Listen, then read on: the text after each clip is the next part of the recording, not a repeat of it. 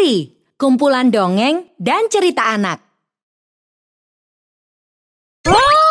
Yuk dukung Riri dengan menekan tombol subscribe. Jangan lupa bunyikan tanda lonceng untuk notifikasi. Selamat menonton. Dongeng tanpa akhir. Seorang penyihir tua sedang asik meramu di rumahnya. Ia ingin membuat ramuan yang bisa membuat boneka berbicara. Ramuan ini terbuat dari bahan-bahan yang langka. Aku mencarinya dengan susah payah. Semoga saja usahaku berhasil. Setelah jadi, penyihir meminumkan ramuan itu pada sebuah boneka kayu. Minumlah. Ramuan ini akan membuat dirimu menjadi lebih hebat. Benar saja, boneka itu seketika bisa berbicara seperti manusia. aku ada di mana? Tenang saja, kau akan aman di sini. Asalkan kau mau mendongeng untukku. Um, baiklah, kalau hanya itu permintaanmu. Boneka hidup itu melakukan apa yang diminta penyihir, sedangkan penyihir sendiri asik berbaring sambil mendengarkan dongeng darinya. Namun sayangnya, kemampuan sihir dari ramuan itu tidak bertahan lama. Kekuatan boneka sering kali habis sebelum kisah dongengnya selesai. Hal itu tentu membuat penyihir menjadi geram. Bagaimana sih ramuan ini? Aku belum mendengarkan dongengnya sampai habis. Hmm, aku tak bisa bergantung pada boneka aneh seperti ini lagi. Aku harus mencari manusia sungguhan untuk mendongeng. Keesokan harinya, penyihir mulai menjalankan rencananya. Ia pergi ke hutan dan menangkap siapa saja yang lewat di sana. Aduh, tolong lepaskan aku. Tidak Sesampainya di rumah, penyihir langsung menyuruh gadis itu untuk mendongeng. Kalau kau ingin selamat, maka kau harus menceritakan sebuah dongeng yang tak ada akhirnya. Jika gagal, maka aku akan menyihirmu menjadi katak. Gadis yang ditangkap oleh penyihir itu awalnya bisa bercerita dengan lancar. Ia juga terlihat menikmati setiap cerita yang ia sampaikan. Penyihir pun mendengarkan dengan sungguh-sungguh. Ia senang karena dongeng dari gadis itu sungguh menarik. Namun, setelah seminggu berlalu, gadis itu mulai kehilangan ide untuk bercerita. Pada suatu hari, seekor, em, seekor apa ya? Gajah sudah, katak sudah, monyet sudah. Ah, semua hewan sudah kuceritakan. Sejak tadi kamu hanya diam. Cepat, aku ingin mendengarkan dongeng. Gadis itu hanya terdiam. Ia kebingungan sendiri. Aku sudah tidak sabar menunggu. Sesuai ucapanku, jika kau tak bisa mendongeng hingga akhir, kau akan menerima akibatnya. Kata penyihir yang kemudian mengucapkan mantranya. Olalah, gadis cantik itu kini berubah menjadi seekor katak.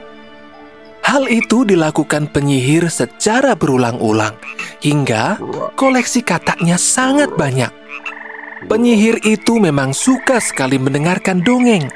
Jadi, ia tidak akan memberi ampun pada siapa pun yang telah membuatnya kecewa. Eh, kapan aku bisa mendengarkan dongeng tanpa akhir?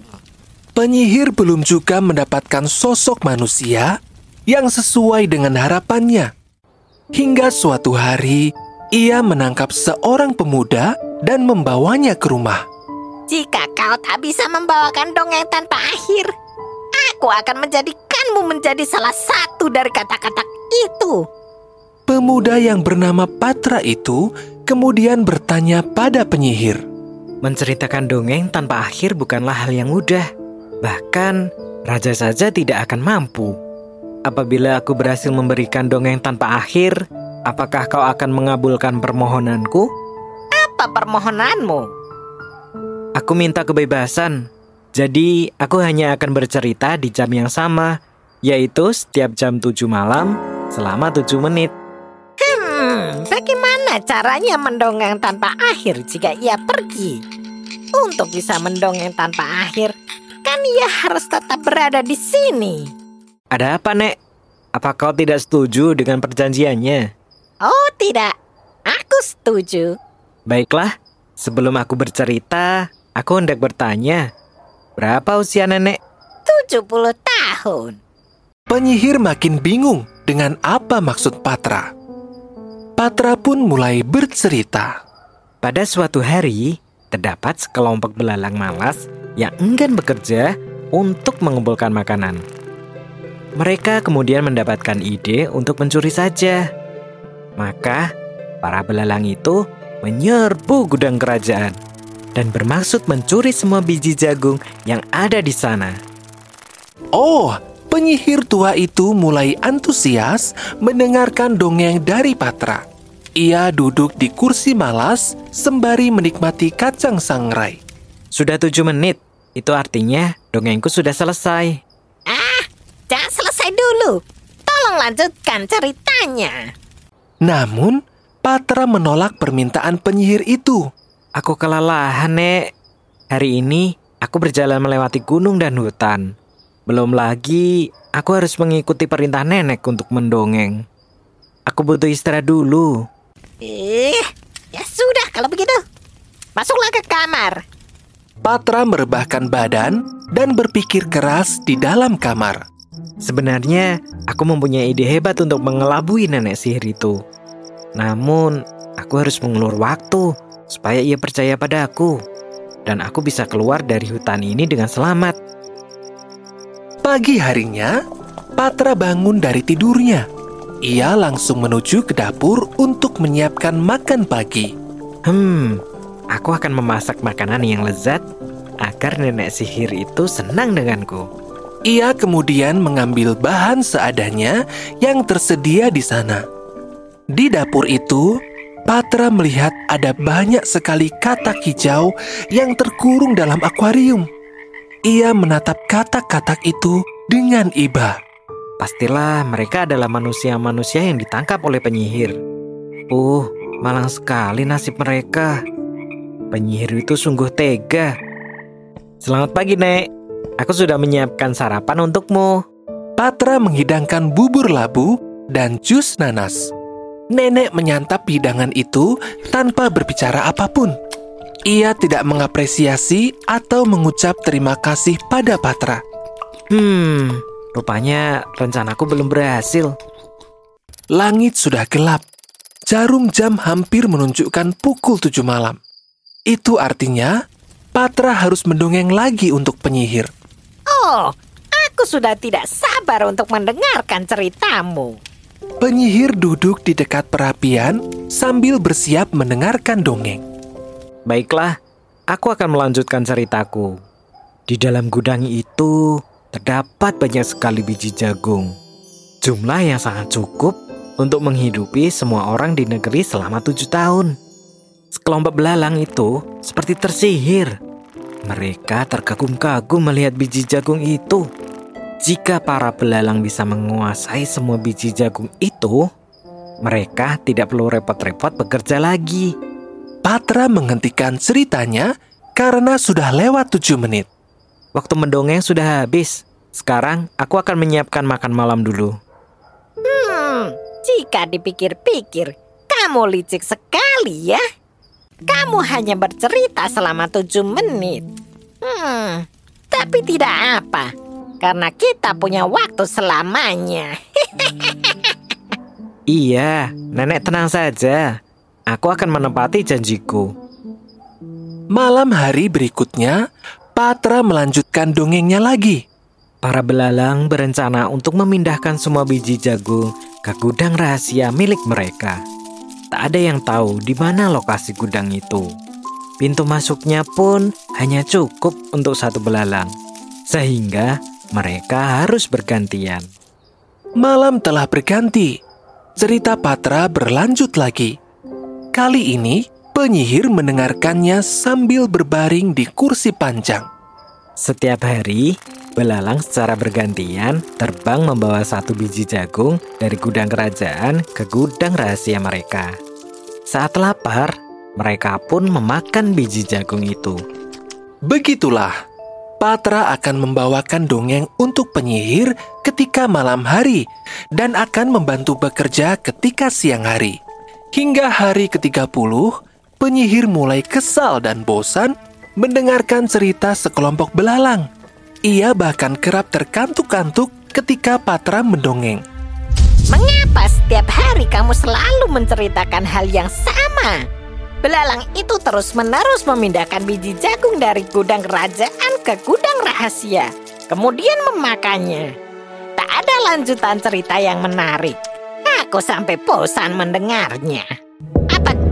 Berniat menipuku? Patra lantas berpura-pura terkejut ketika mendengar pertanyaan penyihir itu. Apa? Menipu?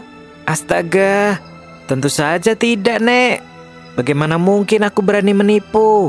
Aku masih ingin hidup menjadi manusia, bukan katak. Namun, penyihir itu tetap tidak percaya. Sekelompok belalang itu hanya berjumlah empat ekor, Nek. Kalau setiap hari mereka hanya membawa satu biji jagung secara bergantian, maka tentu saja mereka membutuhkan waktu yang sangat lama untuk menyelesaikannya. Penyihir itu hanya terdiam mendengarkan penjelasan Patra. Bayangkan saja, stok jagung itu bahkan cukup untuk seluruh negeri selama tujuh tahun. Jadi, berapa lama waktu yang mereka butuhkan? Bisa-bisa 100 tahun pun tidak akan selesai. Penyihir pun tergeleng-geleng. Sebaliknya, Patra tersenyum bangga karena ia yakin rencananya akan berhasil. Jadi, Nek, aku sudah memberimu dongeng yang tiada akhir. Sesuai janji yang telah kita sepakati, Nenek harus melepaskanku saat ini juga. Eh, sebenarnya aku tahu kalau kau menipuku. Namun karena selama ini kamu sudah bersikap baik dan selalu membantu pekerjaanku, maka aku akan melepasmu. Ya sudah kalau begitu, pulanglah. Hati-hati ya. Penyihir berdiri di ambang pintu dan melambaikan tangan pada Patra. Selamat tinggal, Nek. Patra membalas ucapan perpisahan itu. Ia akhirnya bisa keluar dari rumah penyihir dan melanjutkan hidupnya lagi. Sungguh pengalaman yang tak terlupakan. Aku bahkan tak menyangka bahwa penyihir itu bisa bersikap baik ketika aku berpamitan. Hai, Riri punya banyak video dongeng yang menarik loh. Ada cerita rakyat, dongeng dunia, fabel, hingga kisah misteri. Jangan sampai ketinggalan cerita terbarunya. Tayang setiap hari Jumat hanya di channel Riri. Ayo, subscribe channel Riri di YouTube sekarang.